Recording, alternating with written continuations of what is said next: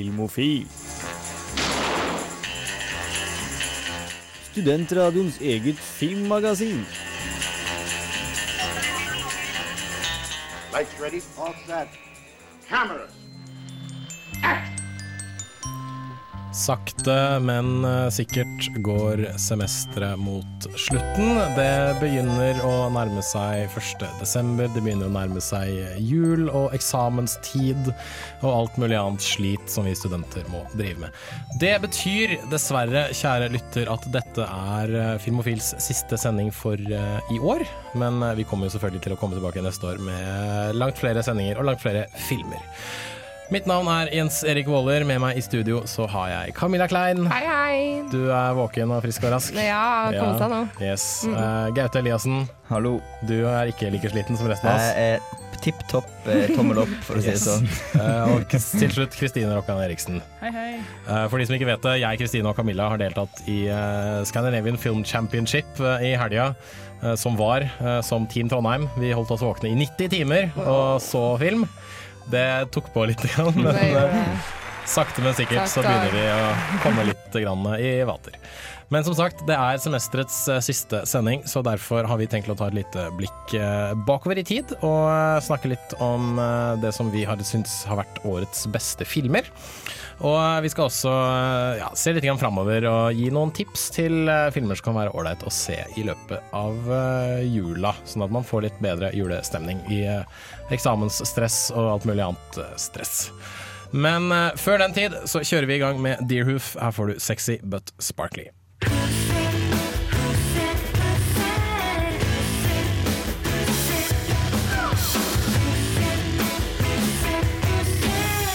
Hei, dette er Nikolai Kleve Broch.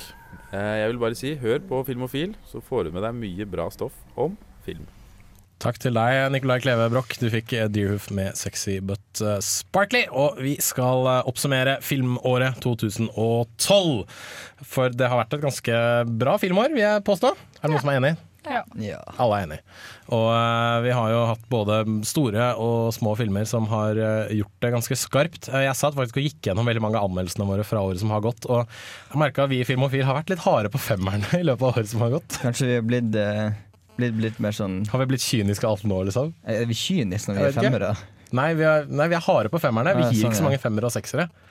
Nei, det, da, er det vel kanskje ikke bra nok, da. Da kanskje vi ikke har et like bra filmår likevel. Vi har for høye forventninger, kanskje? Kanskje det. Hvem Ha, har vi gitt noen seksere? Eh, jeg ga sekser til Avengers. Ah, okay. Det er vel egentlig den eneste, Ja, ja. tror jeg. Ja. Men eh, en film som eh, fikk en femmer, det var The Descendants eh, av Alexander Payne, som kom ut i januar, eh, tror jeg, en eller annen gang. Den var det du som så, Gaute. Ja, det var det. George Clooney spiller jo hovedrollen, og han har jo Man kan nevne at han har hatt et veldig godt år, da, med både bak eh, regissørstolen og som skuespiller. For han fikk jo veldig mye skryt for eh, rollen sin i The Descendants, som han spiller en sånn bekymra far med diverse problemer. Og ja, jeg syns det var en, eh, en bra fortalt historie med gode skuespillere, og det var en, det var en, en koselig film, syns jeg. Da tar vi en liten lytt på Gautes anmeldelse. Sorry to bother you. I'm Matt King. Yeah, I've come to pick up my daughter, Alexandra. Alex! Dad? What's up, Dad? What's happening? You need to come home and see your mom. Matt King, spilt av George Clooney, lever for utenforstående et relativt bra liv. Han bor på Hawaii, har godt med penger, som både pga. advokatjobben og at familien hans faktisk eier en av de få gjenværende uberørte delene av Hawaii. Men det er ikke så greit å være Matt King. Han står midt imellom en familiekrangel der han må ta den endelige avgjørelsen om hvem de skal selge landet de eier til. I tillegg blir kona hans i koma etter en båtulykke, som gjør at han alene må ta seg av sine to utagerende døtre. Og på toppen av alt finner han ut at kona i lengre tid har stått i med en annen mann. I'm the backup parent, the understudy. I thought you were supposed to be getting your act together. I've been doing really well, actually. Nobody ever seems to notice that. And with Elizabeth, my wife, in the hospital, my daughter's attesting me. Look who's here. Get out of my underwear, you freak. Oh, okay. Don't Back inside now! Real good job you're doing. The Descendants kan ved første øyekast virke som en film med mange klisjeer og et plott fra en dårlig såpeserie. Men det her stemmer absolutt ikke. Regissør Alexander Payne har klart å behandle temaene på en slik måte at det aldri blir for alvorlig, og aldri blir teit eller kleint på noe som helst måte. Selv om en slik film fort kunne ha blitt det. We have to go through this thing together. You and Scotty and me. Dad, this is Sid. He's gonna be with me. I'll be a lot more civil with him around. Sup, bro? Don't ever do that to me again. I have to go around and tell people what's happening. Family and a few close friends. I don't want to talk about mom with anyone. Look, whatever you two fought about, you have to drop it. Grow up. You really don't have a clue, do you? That mom was cheating on you. Filmen har også en veldig spesiell stemning, som gir den et veldig annerledes preg. Selv om det er mye krangler og stressende situasjoner, får man likevel det tilbakelente Hawaii-følelsen med strandliv og rolig gitarmusikk. Dette blir en slags kontrast i handlinga, som gjør filmen mer behagelig å følge med på. What you've been going through, that's a tough deal. Just trying to keep my head above water. I'm gonna hit you. How often do old people just haul off and cold cock you like that? The Descendants er en ekte og meget severdig film, med mye god humor spredd mellom alt det triste og alvorlige som skjer. Det at det er en del humor, er kanskje noe av det som gjorde at jeg likte filmen såpass godt. Det er veldig godt med en komisk avbrekk iblant all melankolien.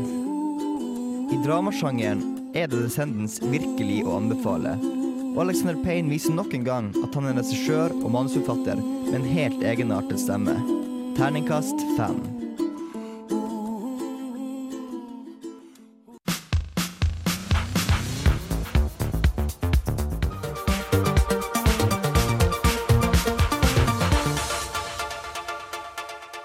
På Radio Revolt, studentradioen i Trondheim. Lindstrøm eh, hørte du der med Forry Call. det er kanskje ikke helt sesong for det akkurat nå, men eh, det er jo godt allikevel, da.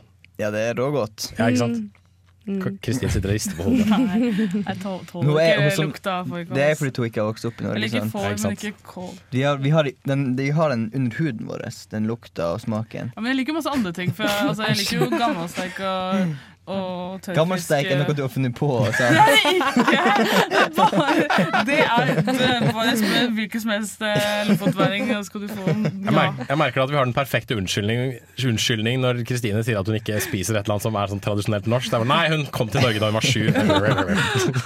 Jeg er nordlending. Jeg, jeg jeg har var masse sånn, fisk jeg var sånn ikke like unge, så jeg likte ikke noe. Jeg spiste ikke nå før jeg var type 11. Jeg spiste bare pølse med brød. Jeg spiste ikke pizza engang, liksom. Så det var krise. Men jeg lærte meg å spise alt etter den tid, så du har egentlig ingen unnskyldning.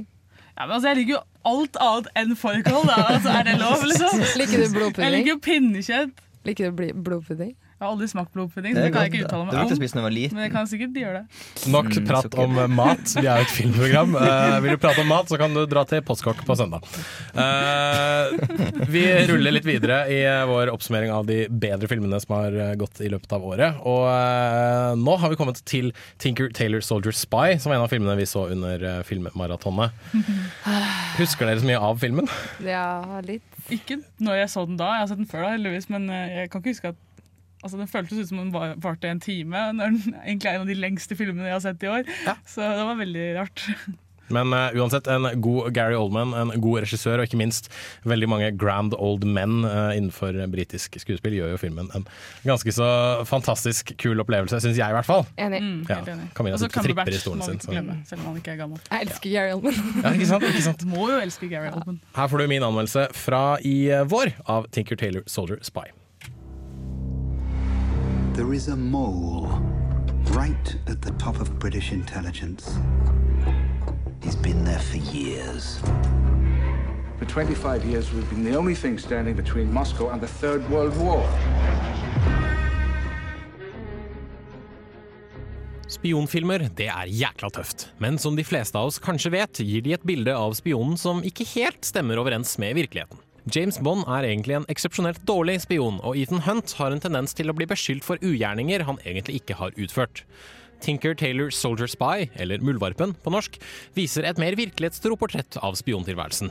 Er det spennende, eller blir det bare kjedelig? All I want from you is one code name Tinker, Taylor. Soldier,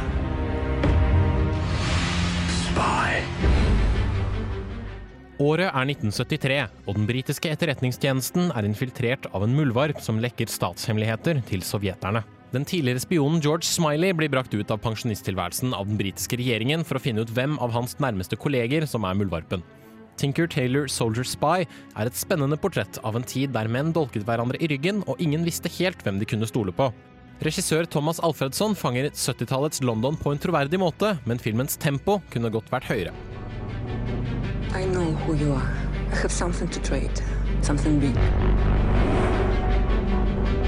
She told me a secret. The mother of all secrets. She had information concerning a double agent. You have to assume they're watching you. Framfor store eksplosjoner, nedlegging av heite damer, mye skyting og kule gadgets, består dette spionlivet av å forhøre vitner, stjele klassifiserte dokumenter, ta i bruk informanter og spille et psykologisk spill med motstanderen. Dette spillet kan vare lenge, og kun den mest tålmodige er den som sitter igjen som vinner. Gary Oldman spiller rollen som George Smiley, og dette må være en av de mest diskré rollene jeg noen gang har sett Oldman spille. Smiley virker naturlig avslappet i alle situasjoner han havner i, alltid med et skjult halvsmil som avslører et kalkulerende og oppmerksomhetsfullt sinn. Det merkes at Smiley er vant til rollen som spion, og at pensjonisttilværelsen kjeder han. Resten av rollelisten er et stjernegalleri av britiske skuespillere. Toby Jones, Colin Firth, Tom Hardy, John Hurt, Mark Strong og Benedict Cumberbatch spiller alle ulike nøkkelpersoner i den britiske etterretningen. Alle mistenkt for å være muldvarpen. Mange av skuespillerne begynner å bli gamle i faget, men beviser at de fortsatt har mye å spille på. John Hurt pusher faktisk 70 år, men innehar fortsatt en intens tilstedeværelse på filmlerretet. Takket være de gode skuespillerprestasjonene har filmen en umiskjennelig britiskhet over seg. Alle karakterene er ulastelig antrukket i mørke dresser under kamelhårsfrakker, med matchende slips og lommetørkle. Selv når de fornærmer hverandre, virker de regelrett høflige, og den velkjente stiff upper lip er nesten til å ta og føle på. Become so ugly. We're not so very different, you and I. We both spend our lives looking for the weaknesses in one another. Klesstil, arkitektur og settdesign er som tatt rett ut fra 70-tallet og får settingen til å virke genuin. Thomas Alfredssons registil fra La den rette komme inn vedvarer i denne filmen også, med lange, dvelende sekvenser som lar deg absorbere alt bildet har å by på. Registilen gjenspeiler for så vidt George Smileys måte å finne muldvarpen på. Metodisk, dvelende, nesten fullstendig følelsesløs, men meget tålmodig. Dessverre fører Alfredssons regi til at filmen beveger seg framover med hastigheten til en dopa skilpadde. Til tross for at den bare varer to timer, er Tinker Taylor Soldier Spy en lang film. Og den krever at du følger med. Plottet hopper både framover og bakover i tid, og gir få visuelle hint til hvilken del av historien vi befinner oss i. Det er nesten så jeg anbefaler at du tar med deg en notatbok inn i kinosalen for å holde styr på alt, og mange vil nok klø seg i hodet helt fram til filmens slutt. Etterpå også. Tinker Taylor Soldier Spy er allikevel en meget god spionfilm, til tross for at den krever såpass mye av publikum. Men i en verden der filmer mater deg med mer informasjon enn du faktisk trenger, er ikke dette nødvendigvis noe negativt. Dette er en stilren film med ypperlige britiske skuespillere og en subtil og velspilt Gary Oldman i hovedrollen. Terningkast fem.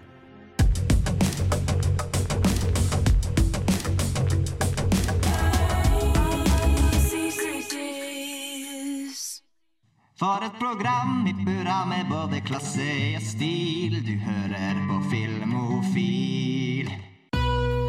Yeah. Fucking throw up on the floor shit. Action Bronson hørte du der med The Symbol, og før det så fikk du School of Seven Days. Uh, og så uh, hørte du min anmeldelse fra i vår av Tinker Taylor Soldier Spy. Uh, vi er fortsatt i ja, februar-mars-området i 2012, og da fikk Filmofil et nytt medlem, og det var deg, Kristine. Ja. Ja. Vi skal ikke til en av dine første filmer som du anmeldte, men det, det var en islandsk film som het Mamma Gogo eller noe sånt. nå. Ja. En merkelig liten sak. Ja, den var veldig, så- veldig sånn Ja, Mamma Gogo var veldig søt, men selve filmen var jo Ja, ganske kjedelig, egentlig. Ja. Men vi skal til uh, noe litt større og litt bedre, uh, nemlig Martin Scorseses Hugo. Ja. Som jeg håper eh, mange i studio har sett. Alle bortsett fra meg, selvfølgelig. Ja. Eh, Camilla vet jeg ble veldig eh, imponert over å kunne veldig mye av det hun skulle lære på filmvitenskap uh, gjennom Hugo-filmen, var det ikke sånn? Mm, jeg elsker å kunne referere Jo, jeg, jeg kan det her og det her av film. Ja. Jeg er veldig en sånn person som liksom sier ja, men sånn og sånn er det. Ja, hvordan vet du det når jeg så det på en film? Mm. Og det er jo mye fiktivt, men jeg liker, liker å kunne ha den muligheten. Og Martin Scorsese er jo en fyr som er veldig opptatt av filmhistorie, Mm. og at folk skal kunne filmhistorie.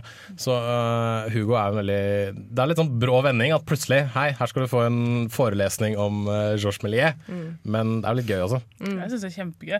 Jeg, kunne jo litt, jeg hadde lest litt tidlig filmhistorie fra før, så jeg følte liksom at uh, dette er på en måte akkurat som en, noen som hadde lagd en forelesning på en veldig sånn ja, morsom måte. Da, som fikk meg til ah, hvis, hvis alle kunne ha lært filmhistorie på den måten, så hadde alle bare vært filmvitere. Det hadde vært kjempegøy. Ikke så bra for, Christi, nei, for eh, Camilla og, og Jens Erik, da, som skal prøve å få jobb. Ja, men du, du vet at filmviten, altså filmviter det er jo gresk for arbeidsledig. Jeg tror jeg mus- musikkviter også. Historiker, Ja, er ikke sant? historiker da? Uansett, eh, Kristine anmeldte Hugo, en eh, veldig nydelig, fin liten film, og ikke minst en ganske så nydelig og fin liten eh, anmeldelse, vil jeg påstå. Her får du den.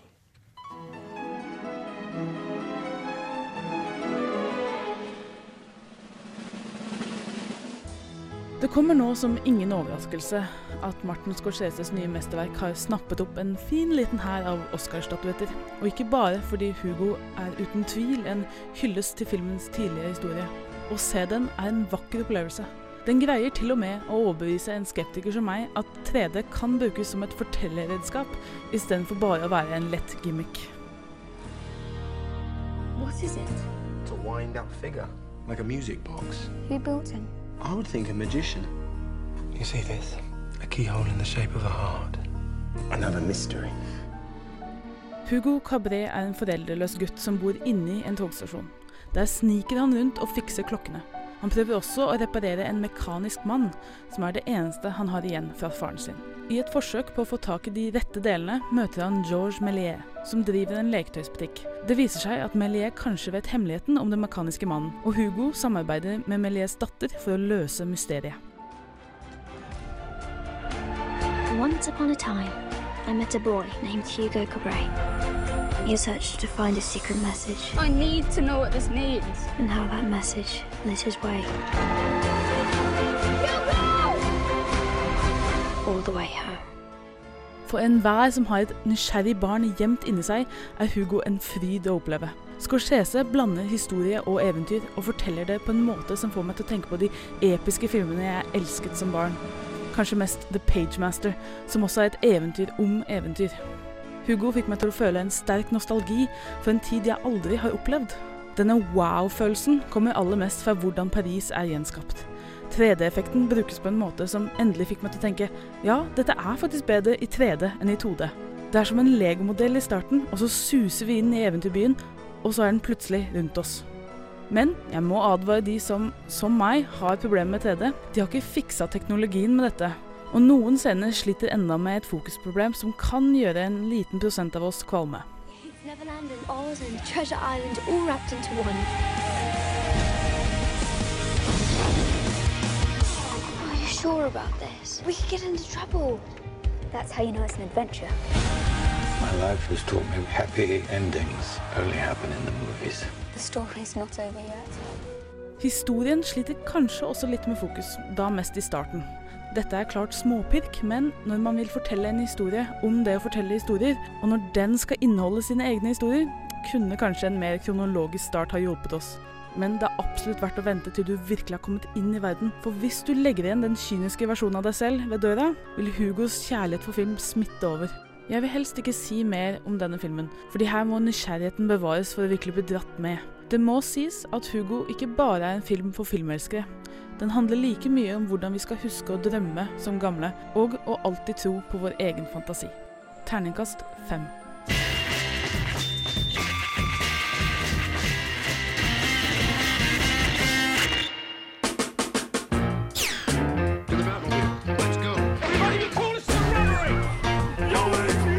Dette er Filmofil, Film, fjernsyn, skuespillere, kamera, action. Ja, rubb og stubb her på Radio Revolt. Du hørte Ty Segal med Fem Fetal her på Filmofil, som oppsummerer noen av årets beste filmer. Og eh, du hørte Kristines anmeldelse av Hugo for ikke så altfor lenge siden. Og eh, nå som det forhåpentligvis begynner å bli kaldere igjen, vi har jo hatt en liten sånn kalde kuldeperiode som har gått over i en varmeperiode i Trondheim, og nå som det skal forhåpentligvis bli kaldere igjen i desember, hva er vel bedre? Og du ser da den varme fronten Ja, beveger seg inn mot It, it got away from me. Uh, hva er vel da bedre enn å se en film med noen mannfolk som fryser noe helt jævlig? Nemlig The Grey, med Liam Neeson og en gjeng ulveflokker. Det er gøy. Det er kjempegøy. Ingen andre som har sett den enn meg, Kristine. Det er for dårlig. I'm Vel, sorry. En Liam Neeson, da skal du se den ferdig med det. Ja. Uh, jeg har ikke sett Taken 2 ennå heller. Jeg har ikke Nei, det er ikke sett vits å se. den. Nei, Det er Liam bare hvis du Neeson, er. Uber-fan. Jeg syns den første taken var kjedelig, så jeg har Se Unknown, den har litt av samme stil. The Grey er i hvert fall en helt fantastisk film, og en av mine favoritter i året som har gått. Job at the end of the world. I work security, protecting men from the dangers they cannot see. There's not a second goes by when I'm not thinking of you in some way. Hardbarka og brutale menn mot en enda hardere og mer brutal natur. Slik er The Grey best oppsummert i én setning. Liam Neeson spiller Otway, en gråsprengt og ensom skarpskytter som jobber for et stort oljefirma i nordre Alaska. Hans jobb er å holde de mange ulvene i området vekk fra arbeiderne, mens de jobber på de store oljeledningene. Etter sin siste arbeidsdag skal Otway og de andre oljearbeiderne fly sørover mot Anchorage, men selvsagt går alt fullstendig åt skogen. Bokstavelig talt.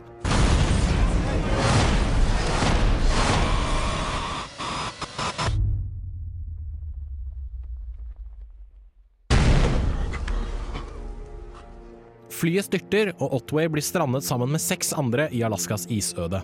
Dette er starten på en stadig eskalerende kamp for tilværelsen, der sult, isolasjon og kulde ikke er det farligste de sju har å stå imot. Når natten faller på, begynner nemlig ulvene å jakte på våre helter.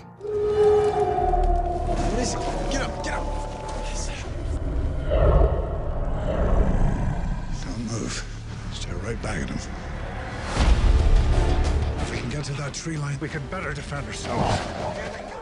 Regissør Joe Carnahan har tidligere laget høyoktans actionfilmer som Smokin' Aces og The A-Team, men The Grey er en langt roligere affære. Her handler det ikke så mye om action og store kampscener som det handler om overlevelse, mann mot natur og brutal virkelighet. Dette er en film om menn og maskulinitet, og hva som skjer når denne maskuliniteten må møte en natur som ikke gir fletta om de overlever eller ikke. Men det betyr ikke at filmen er kjedelig. Når Carnahan vil, skrur han spenningsnivået opp betraktelig, og jeg satt flere ganger med pulsen i høygir og øynene på stilk.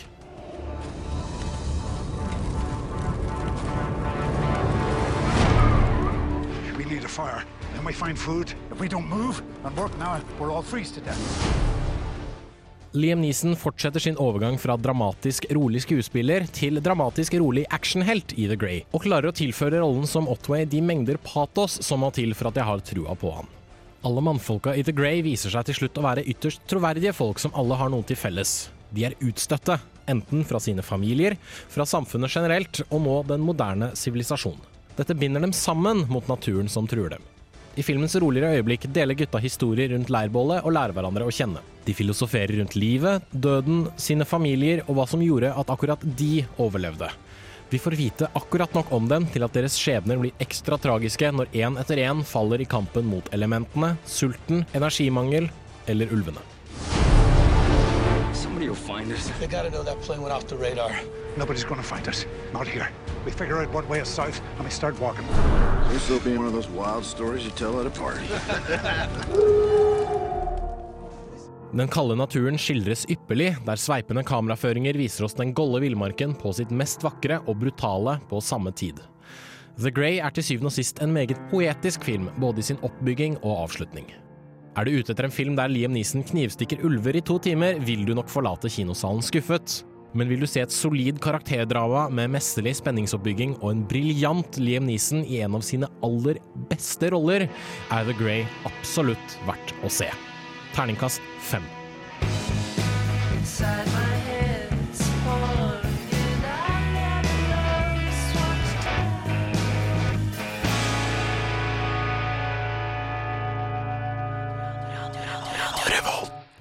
Pop Strangers med Heaven fikk du der på Filmofil, hvor vi oppsummerer årets beste filmer. Eh, Vi har snakka veldig mye om amerikansk film, men vi har liksom ikke gått så veldig mye inn på det norske.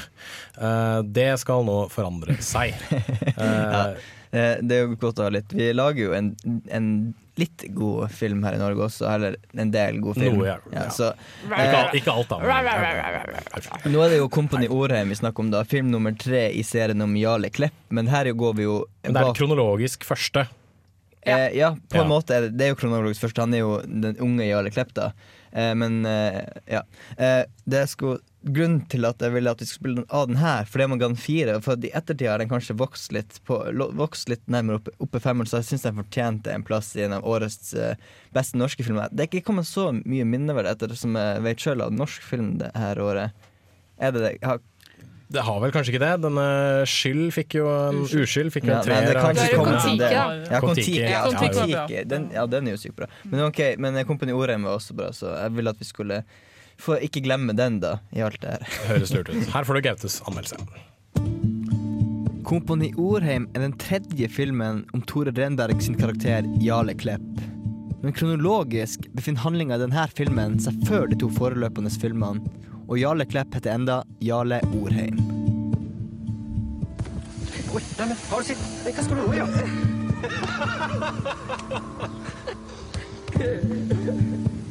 OK, meg. Det kan vi takke noen få menn for, Jarle. Vi kan ha det livet vi har. Meg og deg og mamma. Kompani OM, vet du. Det hele starter med at vi møter Jarle Klepp som student i Bergen. Midt på natta ringer en telefon. Det er mora. Hun forteller Terje Orheim, hans far, er gått bort. Med det her som utgangspunkt skrus tida tilbake til tidlig 70-tall, der Jarle lever en bekymringsløs og idyllisk barndom. Men når Jarle skal ta overgangen til Gosen ungdomsskole, tar idyllen en mørk vending. Mamma, kom hjem og dra. Grunnen til det her er hans fars nye og alvorlige forhold til alkohol. Du er nødt til å skille deg, Sara. Vi er en familie. Hvorfor gjør du ikke noe? Jarle. Jævla rasister! Jarle. Hva er det? Selv om ting er dårlig hjemme, er Jarle fortsatt i en viktig fase i sin ungdomstid. Han prøver å finne sin egen identitet ved musikk, klær og politikk. Han utvikler en sterk interesse for jenter, og prøver ut litt mer voksne ting, som kaffe og sigaretter. Og etter mye om og men, også alkohol. Altså en ganske vanlig ungdomsskoletilværelse, hvis man ser bort fra problemene i hjemmet. Folk sier at Jarle Orheim har flippa helt ut den siste tida. Så jeg har skjønt deg. Helge Ombo. Vi skal bombes tilbake. Tilbake til steinalderen. Gjør deg klar. Altså, skal jeg stå og stryke skjorte bare fordi jeg er kvinne? Jeg liker å stryke skjorter, jeg. Ja, må ikke alltid gjøre som mamma og pappa sier. Snakk om å bli voksen, vet du. Jeg driter i hva dere sier. Jeg er selvstendig, og jeg er faktisk kommunist. Det her er en oppvekstfilm på alle måter. Men klarer den å skille seg positivt ut fra andre sånne her filmer? Ja. Det her er mye av den sterke skildringa av forholdet mellom Jarle og hans far Terje. Terje er egentlig en snill og omsorgsfull familiemann, men går fra Jekyll til Hyde når alkoholen forgifter blodet hans. Den unge debutanten Vebjørn Enger gjør en god figur som den unge Jarle. Men det er Kristoffer Joner i rollen som faren som nok er det beste med hele filmen.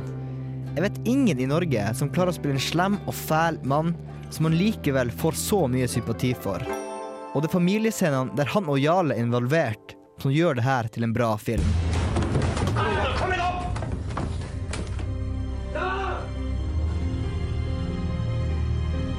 Gå, Jarle. Selv om dette er film tre i serien om Jarle, så er den likevel godt som en selvstendig film der man ikke behøver å ha bekjentskap til de tidligere filmene.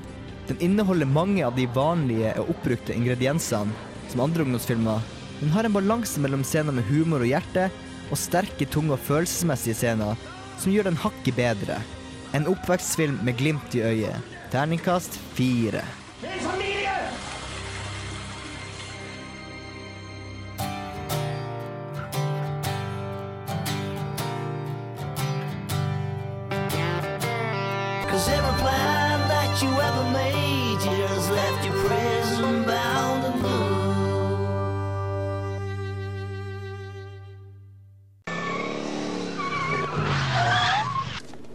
My calculations are correct, when this baby hits 88 miles per hour, you're gonna see some serious shit. Du hører på Filmofil på Radio Revolt. What did I tell you? 88 miles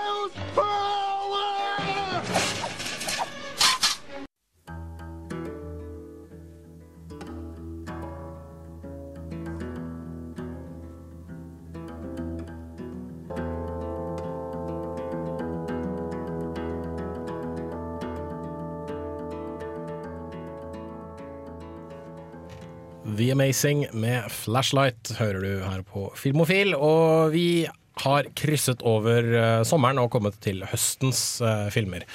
Der, eh, ganske høyt oppe, står en science fiction-film om tidsreiser med Bruce Willis. Det er ikke så veldig ukjent territorium for han, vil jeg påstå.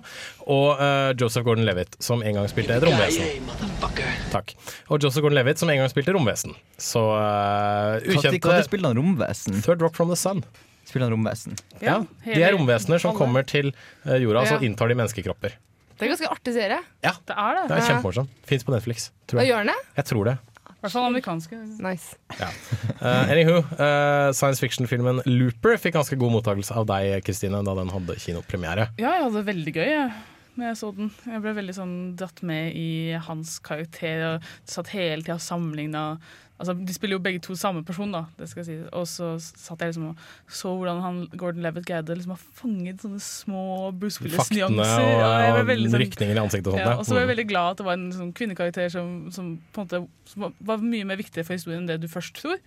Og jeg likte det at liksom at alt liksom Selv om det ikke er logisk hele tida, med sånn time traveling-greier, så, ble, så, så brydde jeg meg ikke så mye om det, for jeg følte at det gikk liksom i en slags fin, liten spiral hele greia. Er det en film du anbefaler til eh, julegavehandelen? Ja, absolutt. Her får du Kristines anmeldelse. Time travel has not yet been invented. But 30 years from now, it will have been. Klokka nærmer seg halv tolv. En mann med hagle står midt i en åker. Når klokken slår nøyaktig halv, sitter det plutselig en bundet mann på bakken. Et halvt sekund senere er han død. Mannen som drepte han, er en looper. Om 30 år vil noen oppfinne en tidsmaskin. Å reise i tid blir umiddelbart erklært ulovlig. Men kriminelle bruker det for å sende de de vil ha drept, bakover i tid til en såkalt looper. Kroppen og alle former for bevis blir dermed borte fra fremtiden. Loopers are well paid. We live the good life. And the only rule is never let your target escape. Joseph Gordon-Levitt spiller looperen Joe, mens Bruce Willis er Old Joe. Creepy-faktoren er høy takket være Gordon-Levitts nye nese, og jeg tror jeg aldri helt ble vant til den. Uansett er det utrolig kult når disse to endelig står overfor hverandre. Man kan lett gjette hvordan det går når man står foran seg selv med en hagle. Old Joe stikker på rømmen, og han har en plan om å forandre fremtiden. For de som er fan av tidsreisefilmer, begynner hjernen å boble med paradokser. Det som er viktig med slike filmer, er om de greier å holde seg til sin egen logikk. Det morsomste med Looper er at man hele tiden sitter og venter og filosoferer rundt nøyaktig hvordan denne logikken skal fungere. Ved å overleve sitt eget drap må nødvendigvis Old Joe sin fremtid være annerledes enn unge Joe sin fremtid. Men vil tidslinjen automatisk rette seg opp? Er alt forutbestemt? Skaper de alternative tidslinjer som i Back to the Future 2? Det hele gjorde meg utrolig nysgjerrig.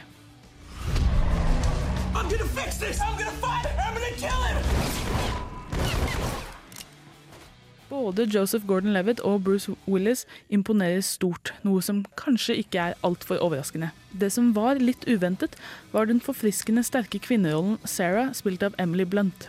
Filmen har en sterk emosjonell kjerne, og det kunne den egentlig ikke vært foruten. Spørsmål rundt moralen i å forandre fremtiden er ikke enkel. Hvis man vet noe forferdelig skal skje, har man rett til å gjøre noe grotesk for å forhindre det. Jeg forventet en actionfilm med tidsreise som en gimmick, men i stedet er Looper en smart sci-fi-film med noe hard action. Bortsett fra en kanskje litt klisjé flyvende motorsykkel, er den futuristiske stilen veldig gjennomført og sannsynlig. Shanghai er en glassdekket hypermoderne metropolis, mens Amerikas byer er overfylt av hjemløse og mafiapoliti. Mass executions. The reign of terror. He lives here now. And I'm gonna stop it. None of this concerns me. This is gonna happen to you. It happened to you. It doesn't have to happen to me. Looper er først og fremst en film om menneskets kamp for å overleve, og hva vi er i stand til å gjøre for de vi elsker. Det er en film som greier å unngå sine egne paradokser på en utrolig finurlig måte. Og man må bare være takknemlig for at slike filmer enda blir laget. Det er nok ikke årets Inception, men den holdt meg spikret til stolen fra start til slutt. Terningkast fem.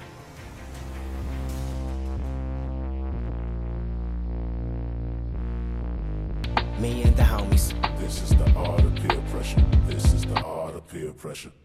Kendrick Lamar fikk du der, The Art of Peer Pressure.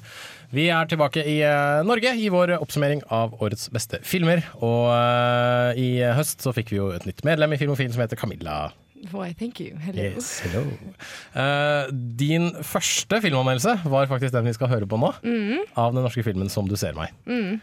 Og eh, er det noe du har lyst til å Har, har du noen tanker sånn, sånn i etter, ettertid? Hvordan har ditt første semester hos Filmofil vært? Det har vært utrolig utrolig bra. Jeg kosa meg masse, gleder meg allerede til neste år. Eh, og eh, det her var en fin film å se først. Nå har jeg egentlig sagt at jeg er skeptisk til norsk og skandinavisk film, så det å skulle liksom dra og bedømme en norsk film med en gang, var litt sånn eh, ja ja. Men det var en utrolig god film. Masse gode skuespillere. Morsom, vittig og veldig sånn søt fortelling. Eh, så jeg likte den veldig godt. Kjempebra. Så jeg står ved terningkastet. Det er bra. Mm. Her får du Camillas anmeldelse av 'Som du ser meg'.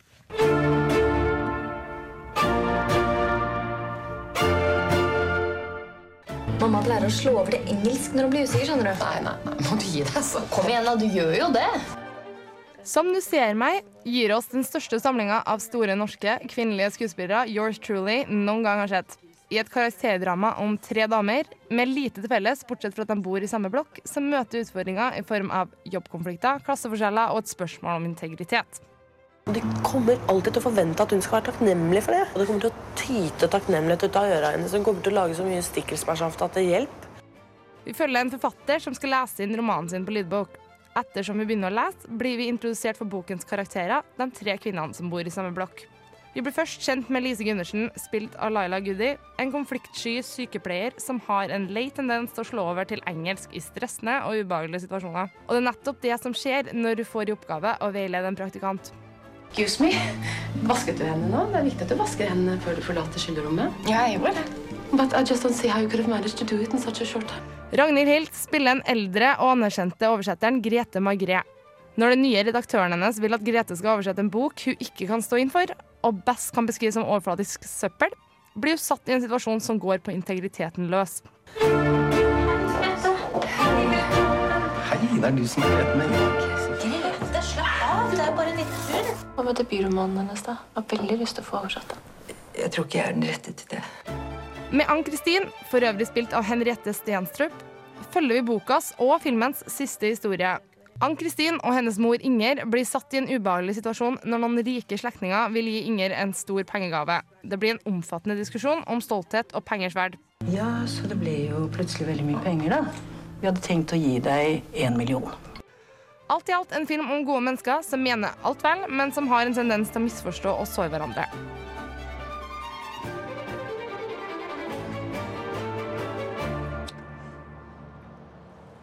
Fin den jakka der. Er den fra Berlin, eller? Som du ser meg er et meget godt karakterdrama som innfrir til alle forventninger. I hele tatt et veldig godt skrevet manus med en samling utrolig talentfulle kvinnelige skuespillere som portretterer ekte og overbevisende mennesker. Produsent og manusforfatter Dag Johan Hagerud kan fortelle at flere av karakterene er skrevet med de aktuelle skuespillerne i tanke, og i noen tilfeller også videreutvikla på settet. Noe som helt klart hjelper å gi en ekstra troverdighet til karakterene. Skal ikke være redd for alvoret, skal vi det? Nei, kan ikke feil. Nei, stikkelsbærsaft. Nei, du er ikke sann. Er ikke det typisk deg? Se her. Vi kan finne mange eksempler på en slik måte å flette sammen et sett med historier i film. Fra fantastiske filmer som Tarantinos Pop Fiction til, spør du meg, mindre vellykka filmer som New Year's Eve og Valentine's Day av Catherine Fugate. Det er derfor morsomt når forfatteren i begynnelsen av filmen får spørsmålet 'fin bok, noveller', så svarer hun 'roman'. Dette poengterer det filmskapet Dag Johan Hagerud prøver å få fram. at en mer komplisert sammenfletting av historiene var unødvendig for at filmen skulle beholde sin standard som spillefilm, mot å kun være en samling kortfilmer. Og filmen holder en fin flyt på tross av mangelen av fletting mellom historiene.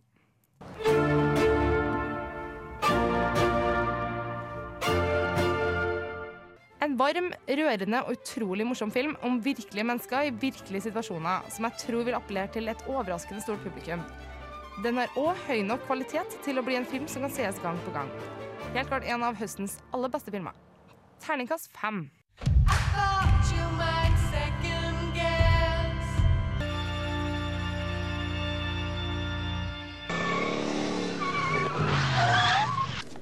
My calculations are correct. When this baby hits 88 miles per hour, you're gonna see some serious shit. Du hører på Filmofil på Radio Revolt. What did I tell you? 88 miles per hour! Alltid gøy å høre Christopher Lloyd rope 88 miles per hour! Jeg får alltid lyst til å dra og se Back to the Future. Ja, den jingle, så den jinglen den eh, sitter, altså. Yes. Um, vi har kommet til den uh, siste filmen vi skal trekke fram fra i år som en av de beste. Og jeg føler at vi avslutter uh, opps årsoppsummeringen på en litt sånn high note. Mm. For vi skal til James Bond Skyfall. Yes! Kanskje den, kanskje den Oh, beste Bond-filmen som har kommet ut de siste par årene.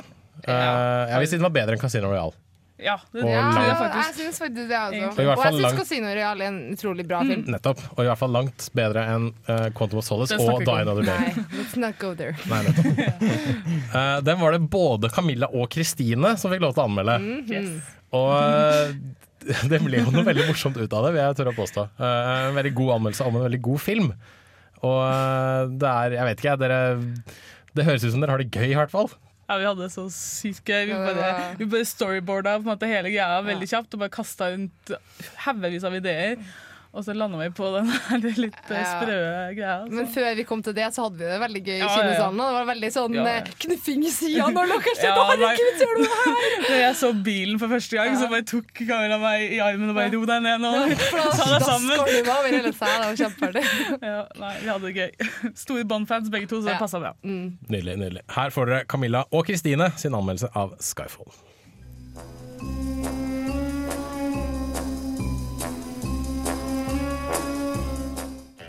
Agent C, ditt oppdrag i dag er å dra på kino og se den nyeste James Bond-filmen, Skyfall. Consider it done. Don't wait up. Three months ago, you lost the drive containing the identity of every agent embedded in terrorist organizations across the globe. I made a judgment call. There isn't much road left. Take the bloody shot. Vel, hva har du funnet ut så langt? Det kan virke som MI6 er i trøbbel. De har mistet listen over sine hemmelige agenter, og Bond har latt gjerningsmannen slippe unna. Hva er Bonds status? Missing, assumed dead. Det var uheldig. What do you say about a man like that? 007 reporting for duty. Where the hell have you been? Enjoying death. I only have one question. Why not stay dead? There's no shame in saying you've lost a step. Agent C, vet du nå hvem som står bak det hele? Det kan virke som han har en forbindelse til M's fortid. Vet du hva han vil? I want to meet your employer. Be careful what you wish for. Mister. Bond. James Bond. Agent C, din endelige vurdering av oppdraget.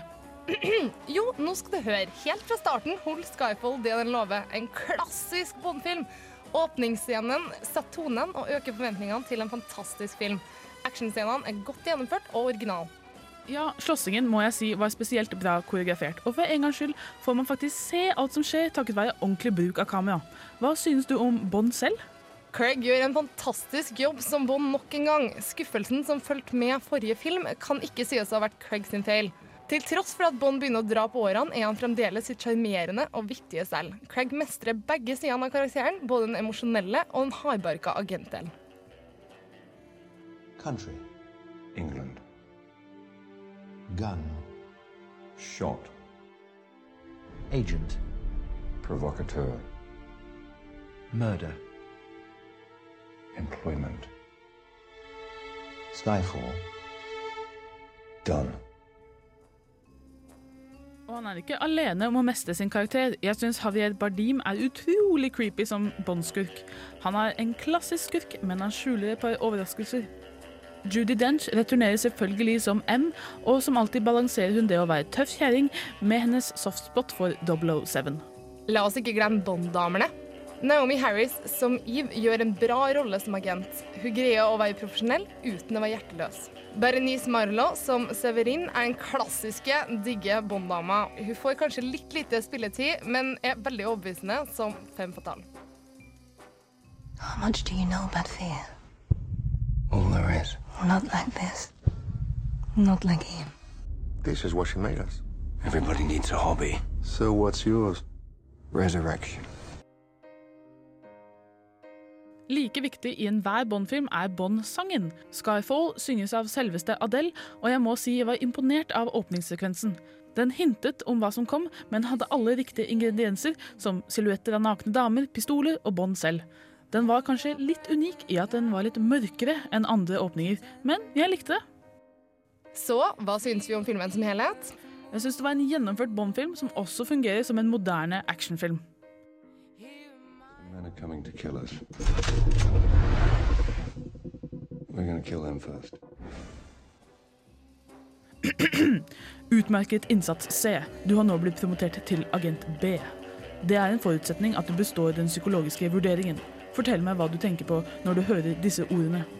Bond. Legendarisk. Daniel Craig. Troverdig. Skyfall. Awesome! Terningkast fem. God, oh God. Boy, boy.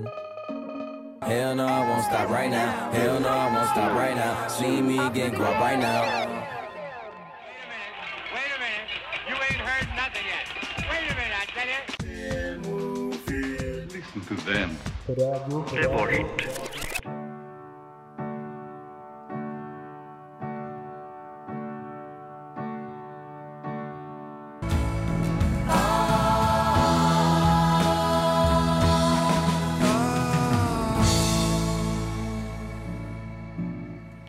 Hvit pels med 'Livet er underbart' hørte du eh, her på Film og Vil. Ta Demp litt, Jonas. Sånn, ja. Nydelig. Eh, vi har oppsummert uh, noen av de beste av årets uh, filmer. Vi har Herregud, vi kunne tatt langt mer, men det hadde jo ikke tid til. Fordi tenkte at på tampen av sendinga så kunne vi kanskje snakke litt om julefilmer. Filmer vi ser i jula, enten de har noe med jul eller ikke å gjøre. Og kanskje som regel filmer som du føler at du må se da, for å komme litt i stemning. Jeg vil jo påstå at de absolutt aller fleste av oss har en, i hvert fall én julefilm. Kanskje. Opptil flere. Det er min påstand i hvert fall. Alle har minst én julefilm. Ja, ja. ja. hvert Ja. fall. Tekniker Jonas har mange. Han står og tripper bak miksebordet. Ja, ja. Men uh, hva er det altså, hvorfor, hvorfor, må vi, hvorfor må vi se film for å komme i julestemning? Holder det ikke bare å ha jul rundt oss? Jeg føler at uh, filmen det er en del av det som er rundt oss. Altså, du ser det ikke bare i film, men serier også. Du har liksom adventskalender, og du har Altså, det der med bilder er en veldig essensiell greie. Du kan lese bøker òg, for så vidt, men eh, jeg vet ikke. Film er en veldig visuell måte å gjøre det på. Det er vel også litt av det å fange den der barndomsfølelsen av å liksom våkne tidlig på julaften og bare sitte, hele familien sitte og se film. Og det er visse filmer som på en måte vekker de samme følelsene og skaper bare den samme jula som du hadde da du var barn. Så Det er altså nostalgi, Ja. rett og slett. Men uh, må man da altså, Holder det da at man ser film fra, som man så da man var yngre, eller kan man, Nei, nei det kan man hele tiden skape nye julefavoritter? Ja, men det kommer jo stadig nye julefilmer som er skikkelig bra. Og hvis de på en måte har samme stemning og liksom Ja, da får du kanskje en ny tradisjon. Da legger du til den. Jeg tror det er enklere for gamle filmer å være bra inni hodet ditt. Uh, fordi de, de er der allerede. De, så, de sitter så veldig, veldig fast. Uh, det er sånn som når den Polarekspressen kom, så har jeg hørt at det er ekstremt mange som syns det er en veldig fin julefilm. Men, og jeg syns det er en god film, men det er ikke noe sånn at jeg får veldig julestemning av den. nødvendigvis. Det er rett og slett fordi det, den kom når jeg var for gammel. Så jeg klarer ikke helt å liksom forholde meg. Men det som alltid altså det, som er, at det er veldig mange julefilmer som bygger på gamle, sånn som f.eks. A Christmas Carol. Og de vil alltid fungere, uansett om du lager nye varianter, fordi at du kjenner historien. Så det er noe med det der at hele jula er jo veldig sånn tradisjonsrik, så det har vært sikkert litt derfor at de gamle filmene er de som backer mest julestemninga. Vi skal uh, gå litt inn i hva som er våre uh, julefavoritter. Men uh, vi tar et lite musikalsk avbrudd før den tid. Uh, her skal du få The Internet med Give It Time på Filmofil på Radio Revolt.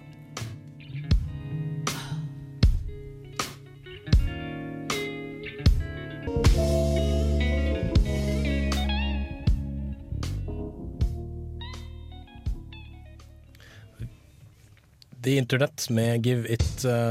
Æ, hva skjer nå? Der, ja. Der var vi tilbake. Til Internet med Give It Time fikk du her på Filmofil, og vi hadde litt teknisk eh, kukeri, men nå ordna det seg. Ja, det er du som kuker, sier jeg til tekniker Jonas. Anywho, vi snakker om julefilmer, eh, og da må jeg bare slenge spørsmålet ut i salen. Er det noen som har noen julefilmer å anbefale? Kristine. Eh, Jeg kan ta en litt nyere en. Love Actually. Ja, selvfølgelig. Som er så søt og god film at man må bare like den. Mhm. Det er en av de nye som har helt klart klart å satt seg eh, plass blant eh, juleklassikerne. Ja, det er veldig, veldig imponerende, for det er vanskelig å gjøre. Ja, og min, altså, det er så mange gode skuespillere. Du har liksom nye Nielsen, du har Colin Firth og du har ja, masse Men min favoritt er uten tvil Ron Atkinson. Så Ah. den bitte lille rollen han har, bare åh, får meg til å le så mye hver eneste gang. Jeg bare elsker den lille Den liksom smiler og ja, jeg veit It will be done in the flashiest of flashes. ja, ikke sant? Nei, han er herlig. Og jeg, veldig ofte så liker jeg ikke sånne filmer som har mange forskjellige historier som skal komme sammen. på en eller annen måte. Jeg er ikke glad i det, men akkurat denne her på en måte, den fungerer så organisk at du bare Ja, det er jo helt logisk hvordan alt dette her henger sammen. Det er ganske, ja, Noe som er veldig vanskelig med sånne typer filmer der veldig mange personer er knytta til hverandre, på en eller annen måte, det er jo rett og slett å få det til å få disse overgangene til å virke naturlig og få liksom, gi publikum nok informasjon da, om Mm. personene og deres forhold til hverandre. Og den syns jeg Love Actually treffer veldig veldig godt. Eh, noe dere snakka om i løpet av låta her, er jo også dette med tegnefilmer. Mm. Jeg for min del må alltid se Disney-kavalkaden på, på julaften. Yes. Det er min greie. Mm. Men du Camilla hadde en annen er Disney-versjon vel- av et gammel juleeventyr. Den er en eh, del av det der, den også. Den blir sendt hver julaften. Jeg husker ikke helt hvilken kanal. Jeg føler at eh, NRK og TV3 har begge to hogga Disney i ganske stor grad. Mhm. Eh, Så det er alltid vanskelig for meg å velge hva jeg skal se. Eh, Det jeg må se, er 'Trener og Askepott'. eh, Og det er 'Reisen til julestjernen'. Og før eh, før 'Trener til Askepott' så går eh, 'Snekker Andersen', og det må jeg se. For det er bare maks trivelig. Men sånn forutenom det så prøver jeg å smette inn Disney her og der. Og da blant annet den uh, A Christmas Carol-versjonen av Mickey's. Hæ? Mickey's Christmas Carol heter den. Eh, nei, det heter ikke det, gjør den det? Jo, den med Mickey Mouse. Og Ja, okay. Den heter Mickey's Christmas Carol. Ja, i hvert fall. Det er da En Disney-variant av Ja. Charles Mm, Dickens-historien. Det er onkel Skrue som Scrooge og eh, Mickey Mouse som eh, hans eh, Hva han heter han igjen? Aner ikke. Assistenten, Han er assistenten, ja. ja. Så, eh, og den er fantastisk. Og jeg hadde den på VHS Når jeg var yngre, og det var ikke bare den, men det var også noen andre sånn småvideoer bakom som var like fantastisk. Og, bare, åh, og så trodde jeg når jeg var lite at det her var en langfilm, og så når jeg skulle se den igjen for ikke så lenge siden, det var bare sånn 50 minutter hele filmen her. Så det var liksom sånn skikkelig sånn åh, det ble ferdig altfor fort. Det her er også den eh, filmen som jeg har best forhold til av Christmas Carol-filmene. Fordi at eh, Den brukte vi å vise på barneskolen i juletida, så den Mm. måtte alle barna se. Så den har jeg sett i syv år, er det vel. Jeg, jeg, jeg. Jeg tør påstå at en av de beste julehistoriene er jo Christmas Carol. Ja. Ja. Men uh, den beste versjonen av Christmas Carol er A Muppet Christmas Carol. Ja, den er fin! Den er fin, den er Den kjempefin! Den er kjempeartig. Jeg, jeg er også veldig glad i Blackadder-versjonen, selv om den ikke er helt tradisjonell. Så er Nei, veldig, ikke, men- Den er morsom. Ja, den har jeg ikke sett. Den Kanskje- sånn, kanskje i år blir Han setter den første på hodet, Ah, tar ok. det omvendt. Kult. uh, selv har jeg en greie der jeg alltid må se Knøttene sin eh, A Charlie Brown Christmas fra sånn 1960-tallet en eller annen gang, som vi har på en litt sliten VHS som vi kjøpte i USA for sånn ti år siden. koselig. Eh, den har et sånn Den har et ganske kristen budskap, så jeg burde egentlig ikke ha så veldig nært forhold til den som jeg gjør. Men hele familien min har et sånt elskforhold til knøttene, så jeg må nesten bare se den filmen for å liksom kjenne at yes, jula handler om mer enn bare kommers og gaver og alt sånne kjipe ting. Det er alltid veldig, veldig herlig. Ah, men uh, er det noen flere som har lyst til å trekke fram en liten ting før vi går til neste låt? låt? vet du hva, jeg har så mange. Men, så mange. jeg, jeg er der at uh, jeg bruker hele det samme. Jeg er veldig julete person. Uh, det kan alle som kjenner meg, skrive under på. Eh, og jeg sitter da og så søker opp alle varianter av alle filmer. Jeg tror jeg har sett alle forskjellige Christmas Carol-versjoner. Og det er sånn type 20.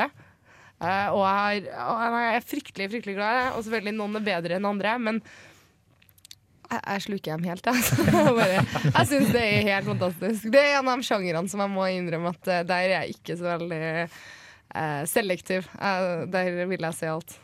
Har du noe forhold til Gremlins?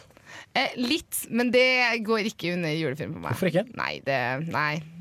Det er litt sånn der eh, Hjemme alene, sykt koselige filmer, men det er heller ikke julefilmer for meg, faktisk. Men det foregår i jula. Jeg vet- ja, men hva faen vil det si? Altså, type, det foregår i jula. Så det er det jule- julefilm. Det er julefilm. Sier de julestemning? Jeg syns det er kjempejulestemning. Ja, nei, jeg er, me- jeg er medium. Den trenger jeg ikke å se Det er hvert år. medium.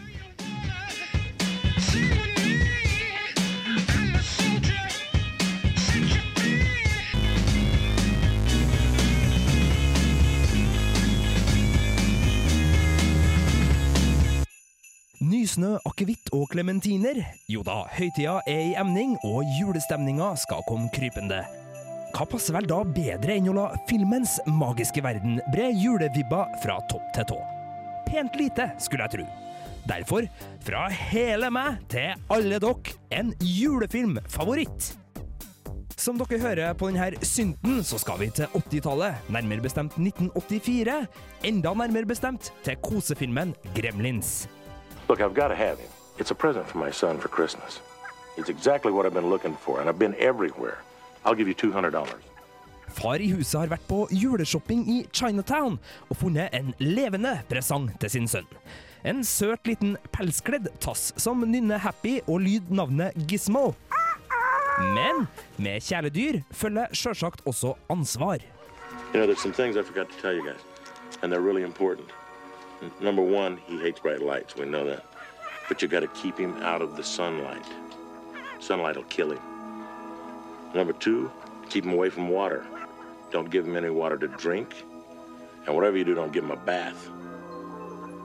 And probably the most important thing, don't ever feed him after midnight. Akkurat.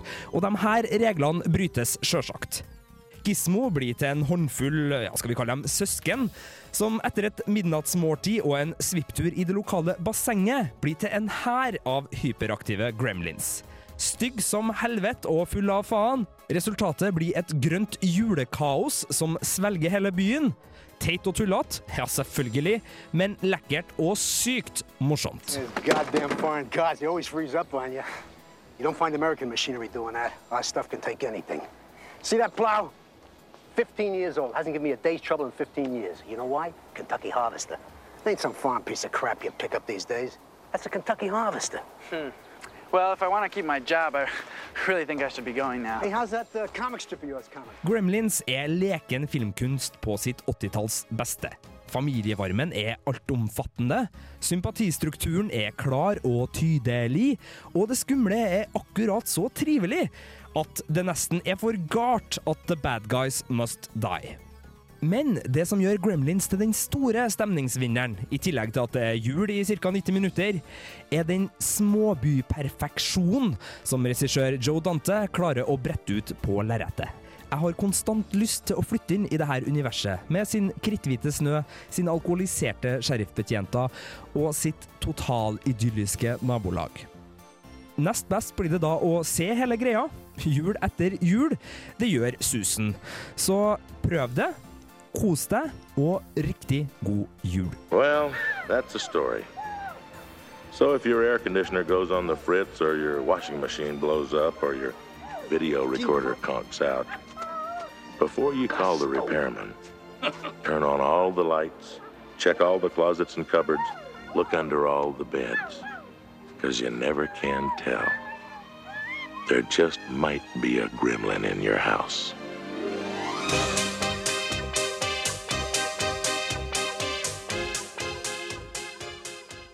Yippee-ki-yay, motherfucker. Du lytter til Filmofil på Radio Revolt. Besøk oss gjerne på våre nettsider på radiorevolt.no filmofil. Der finner du meldinger av kino- og videopremierer, og i tillegg podkast av alle våre sendinger. Har du ris eller ros, tips eller triks, kontakt oss gjerne på elektronisk post. Filmofil, krusedullalfa, radiorevolt, punktum radiorevolt.no.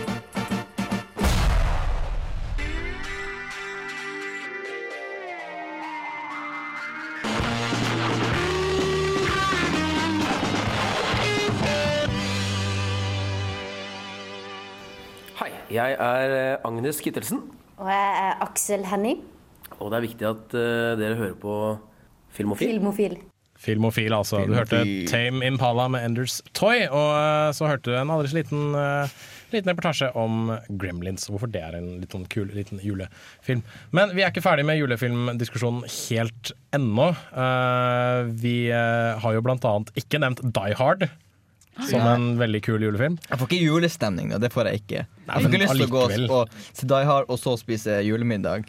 Nei, men det er, det er kanskje sånn film du kan kanskje se eksempel første juledag, da, eller gjøre. Andre juledag. veldig, Når, du, ja, når ting er roa litt ned. første og- juledag, Ja, så kan man se Die Hard. Ja, du trenger noe som ikke er sånn Det er ikke sånn kjempeheavy på juletemaer, men du trenger bare noe som er gøy å se på.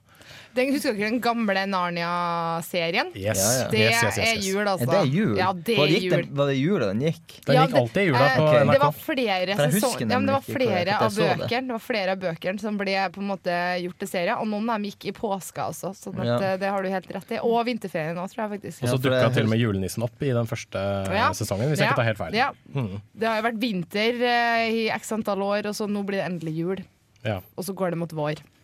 Yay. Yay! Uh, jeg vet ikke om NRK fortsatt De sender det jo for så vidt fortsatt ikke, det er jo litt leit, men uh, det er likevel gøy å se hvis du har det på DVD, og det fins jo for så vidt på DVD. Og du har jo for så vidt de nye filmene som har ja, eh, tatt like over. bra. De er ikke like bra. Nei. Jeg, jeg syns den første Litt sånn Ringenes herre Jeg syns den Hei, den første, første Den Ja. syns jeg faktisk er litt kul. Ja, den er ålreit. Og så syns jeg at det ble drøyt. Men jeg vet at det er veldig mange som jeg kjenner som jeg har et svakt uh, punkt for han som spiller prins Prins Caspian. Caspian, ja. det, er liksom Det, det, det er seeable likevel. Ja, men da er det bare å se på The Picture of Do- Dorian Gray, det, så får du Ja, det bare er samme, hele samme karen. Ja, sant det, sant det. Eh, noe vi også, som jeg forventa at du skulle nevne i stad, Kristine, er jo National Lampoon's Ja, Christmas den skulle jeg jo nevne. For den, altså, du kan synes at den er teit, men jeg ler hver gang. Og det er, sånn, det er, det er vår nummer én julefilm som vi må se. Og det var jo Chevy Chase da han fortsatt var Altså Han er jo litt morsom nå også, Ja. da, i Community. Ja, Men eh, klassisk Chase. Chevy Chase på sitt beste, kanskje. Ja, og det er liksom Den har alt, for den er, den er jo veldig gyllete. For han Chevy Chase skal jo ha det så perfekt. Og så skjer bare alt gærent. Og så klassisk humor fra den tida som du ikke på en måte får lenger. Og Nei, det, Jeg syns de er så irriterende! Jeg får så vondt av den dritten Ja, det Ja, det, er, er nettopp, det det. Du skal få litt vondt av det, og så skal du se på din egen familie og tenke at jøss, jeg er glad jeg ikke har det sånn. Nettopp, Det er akkurat sånn du skal få det av Jeg får så vondt, altså. Det er så usannsynlig og jævlig. Jeg hater det. Nei, Altså. det er best, at når han blir gæren liksom, og, og har den der lange ranten med alle de banneorda og det er liksom, åh, Og avslutter med at when Santa squeezes his fat ass down the chimney tonight, he's gonna find the jolliest bunch of assholes this side of the house. Ikke sant? Nei, det er herlig. Og hele den familien, også hun der bestemora som har pakka inn katta og sånne ting. Og han gamle mannen som ja, blir setter fyr på bestefar og ja. Hva mer? Ja, Ja, du må bare elske. En uh, juletradisjon her i Trondheim i hvert fall er jo også på at Studentersamfunnet så viser de The Nightmare Before Christmas 1. desember. Som en sånn juleavslutning for hele, for hele Studentersamfunnet. Mm. Og det tror jeg også for veldig mange er en sånn uh, super julefilm som uh, Noen ser den på halloween, har jeg skjønt. Ja, det, Men det, det blir litt feil for Det meg. blir feil. Vi Det blir jo ikke feil. Jo, fordi at det er jo, de, de arrangerer jo jul istedenfor halloween. Nei, de arrangerer Nei, jul nei. i tillegg til halloween. Ah, okay, ja. Altså, det er jul på halloween-måten.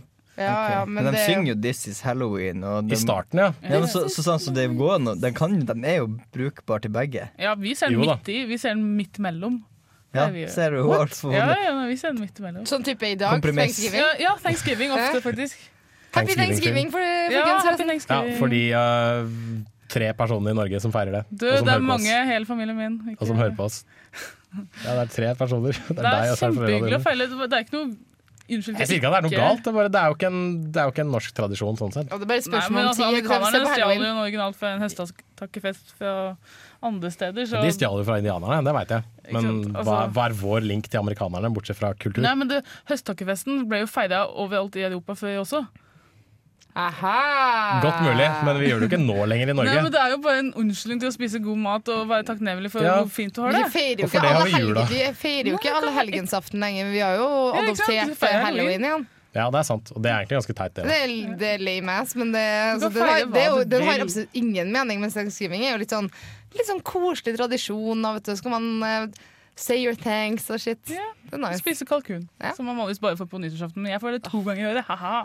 Det er Du vet at man kan spise kalkun når man selv vil. Nei, nei, Det kan man nei. ikke. Du kan- man ikke. kan Ikke all the trimmings, Du det kan går ikke ikke. steike en hel Nei, ikke kalkun. sant? Nå gikk vi over til postkokk igjen. Ja, nå gikk vi over i. Nei, gikk vi over i Vi har- vi uh, postkortprat her igjen, så syns jeg vi bare kan eh, kjøre en låt, og så sånn kan vi avslutte etter hvert. Union-sending der vi har postkokk filmofil. Ja, film, filmokokk Nei, kokkofil. Nei, det, Mat fra filmer. Her får du Bendik. Det er ingen her som holder. er er?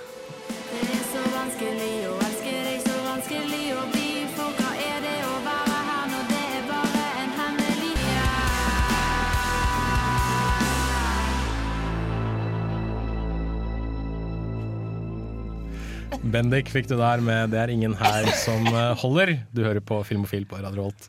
Få det ut, Camilla. Kom igjen. Få det ut. Ferdig. Du ferdig? Mm -hmm. Bra. Takk. Filmofil begynner dessverre å gå litt mot uh, slutten. Ikke bare for denne gang, men også for dette semesteret. Det er jo litt leit, men uh, skulle ikke tro det fra fnisinga inne i studio. Uh, håper, uh, vi håper i hvert fall at vi har klart å anbefale noen uh, gode filmer for deg som er filminteressert. Og med vår årsoppsummering, og ikke minst at vi har gitt deg noen gode julefilmer som du kan se. Eh, før vi avslutter sånn fullstendig, er det noen som bare vil ta en siste runde? Jeg har to som jeg vil si. Eh, It's a Wonderful Life, selvfølgelig. Uh, klassiker i USA, men ikke like stort her. Mm -hmm. Og Miracle on 34th Street, den originale med Maureen O'Hara. Enda en klassiker, altså. Jeg får veldig god julestemning av den første hjemme alene. Jeg synes det er alltid like koselig. Fordi jeg ønsker at det var Kevin da jeg var liten. Han var idolen mitt. Så det, Du ville bli fanget det er veldig altså? nostalgisk, i hvert fall for meg. Jeg vil, nei, jeg vil ikke bli fanget, jeg vil, han var så kul. Ja. Skjønner du? Ja, to- Jeg liker toeren nå, egentlig. Ja, jeg liker toeren er også, New men- York, og New York i juletider er veldig Ja. sånn spesielt. Har du noen flere filmer du vil trekke fram, Kristine? Eh, ingen, ingen som jeg kanskje vil anbefale. Jeg pleier alltid å se på Ernest Saves Christmas, men den veit jeg er dritdårlig. Det er sånn jeg har vokst opp med og syns det er så kleint morsomt at jeg må se det.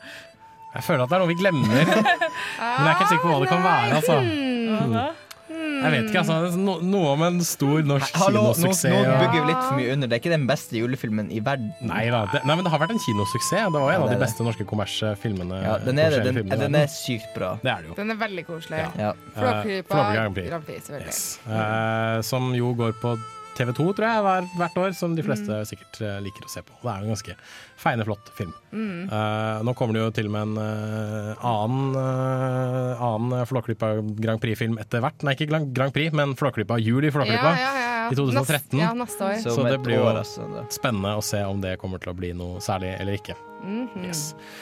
Men som sagt, Filmofil er over for eh, denne gang. Vi håper du har uh, trivd, eh, trivd? Hatt, hatt det trivelig. Det var det jeg skulle si. Hatt det trivelig med oss eh, i løpet av forrige siste semesteret, og ikke minst eh, i f- løpet av året som har gått. Og de to siste timene her på Radio Revolt. Mitt navn er eh, Jens Erik Våler. Jeg har hatt med meg Camilla, Ha det bra! Gaute, God jul, folkens. Kristine. God jul. Og bak spakene tekniker Jonas Strømsodd. Vi høres hørs over eh, nyttår, så fram til da så ønsker vi eh, god eksamenstid og ikke minst god jul. God